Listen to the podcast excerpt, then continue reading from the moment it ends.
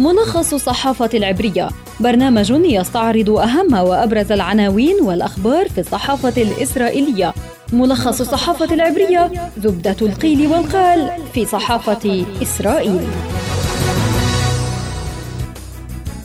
تحياتي لكم مستمعينا إليكم. ملخص الصحافة العبرية يعده يقدمه لكم عبر شبكة أجيال الإذاعية خلدون البروثي وإليكم أبرز ما جاء من عناوين في وسائل الإعلام العبرية صباح اليوم.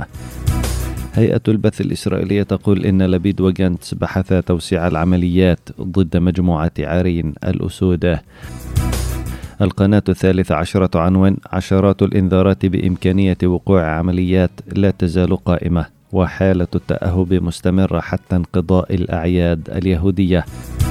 صحيفة هآرتس تكتب اشتي يقول من مخيم جنين إسرائيل دولة لا تريد السلامة. يدعو أحرنوت تكتب إغلاق الأراضي الفلسطينية. ورئيس الوزراء الفلسطيني يقول إن التنافس في الانتخابات الإسرائيلية يجري عبر الخوض في الدم الفلسطيني. نتنياهو يرفض الاجتماع بيائير لبيد للاطلاع على الاتفاق مع لبنان حول ترسيم الحدود تقول يدعوت أحرنوت. وفي صحيفة إسرائيل هيوم الجيش اعتقل مطلوبا في نابلس. في صحيفة معاريف أيضا اعتقال مطلوب في نابلس واندلاع مواجهات في القدس. موقع والله يعنون قائد السرب الجوي الإسرائيلي الذي تدرب على قصف إيران يقول إنهم جاهزون لتنفيذ المهمة. وعلى صعيد الانتخابات في إسرائيل تقول القناة الثانية عشرة إن الليكود قرر استهداف ناخبي أيالي تشاكيد وحرمانها من أي ناخب يميني.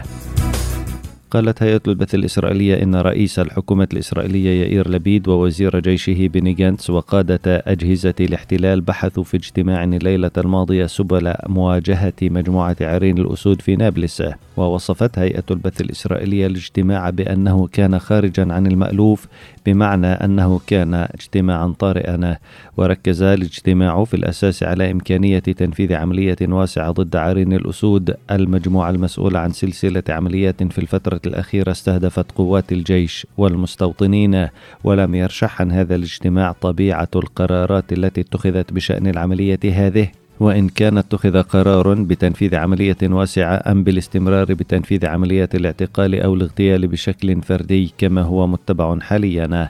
وسبق هذا الاجتماع بساعات قرار اتخذه وزير جيش الاحتلال بني جانتس بسحب تصاريح 164 من أقارب الناشطين في عرين الأسود. ونقلت هيئة البث الإسرائيلية عن مسؤول في قوات الاحتلال قوله إنه منذ فرض الحصار على نابلس لم يتم تنفيذ عملية واحدة ضد أهداف إسرائيلية. لذلك قد يستمر الحصار على المدينة إلى أجل غير مسمى.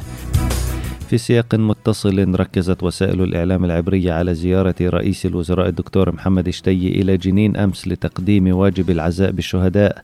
وركز الإعلام العبري على صورة اشتي مع القيادي فتحي خازم وخلفه مسلحون في جنين كذلك تم التركيز على تصريحات اشتي التي قال فيها إن إسرائيل دولة لا تريد السلام وإن قادتها عندما يتنافسون في انتخابات الكنيسة لكسب أصوات ناخبيهم يكون هذا التنافس عبر سفك الدم الفلسطيني نهاية حلقتنا من ملخص الصحافة العبرية أعدها وقدمها لكم عبر شبكة أجيال الإذاعية خلدون البرغوثي. تحياتي إلى اللقاء.